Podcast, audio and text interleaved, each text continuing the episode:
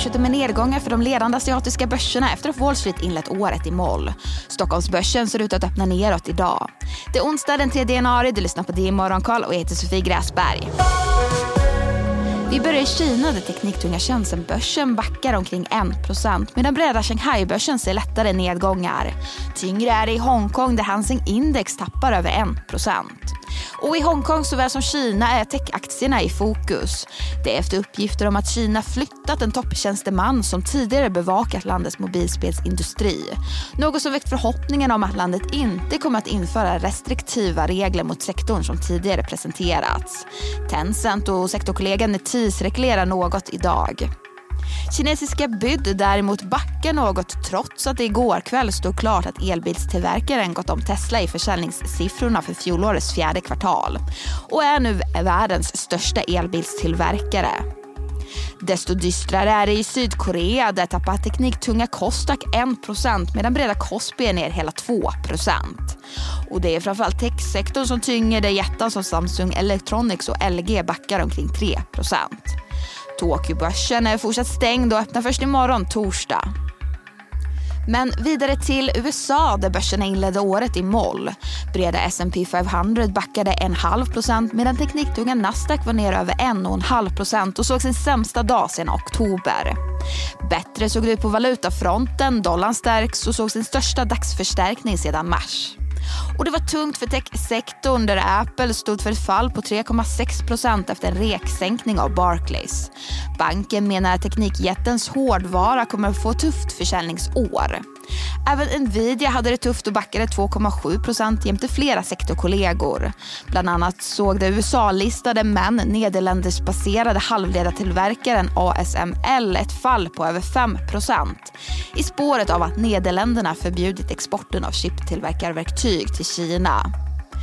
Mot strömmen på den amerikanska börsen går däremot läkemedelssektorn där Moderna såg ett tvåsiffrigt rus efter en köpstämpel av analyshuset Oppenheimer. USAs statsskuld är nu över 34 000 miljarder dollar. Det visar en rapport från det amerikanska finansdepartementet.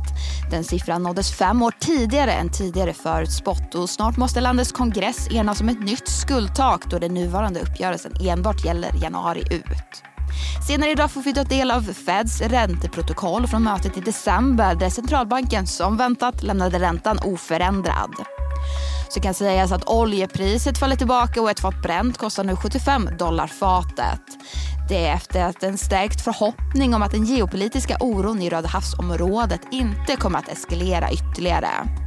Samtidigt så danska Maersk som inte haft någon trafik i området de senaste två dagarna till följd av en tidigare attack har nu beslutat att ställa in all trafik genom Röda havet tills vidare.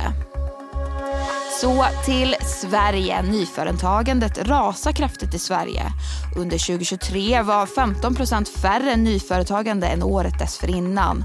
Och årssiffran har inte varit så här låg sedan 2014. Det visar statistik från Visma Späck. Sweden Cares amerikanska dotterbolag har förvärvat ett hundmatsbolag för 78 miljoner kronor. Sweden Care förvärvade 30 av bolaget redan i förra årets fjärde kvartal och köpte resterande 70 nu i början av 2024.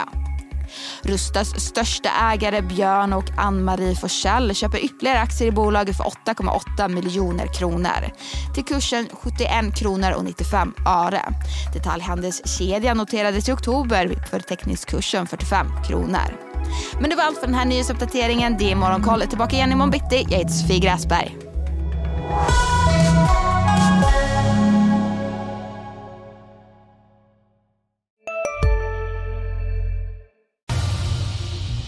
Expressen gör varje vecka podden Politikrummet där vi djupdyker i det senaste och viktigaste inom svensk politik. Med mig, Filippa Rogvall, som programledare tillsammans med mina vassa kollegor. Och det är ju ni som heter Thomas Nordenskjöld, Anette Holmqvist och Viktor Bartkron. Politikrummet kommer med ett nytt avsnitt varje tisdag. Vi hörs.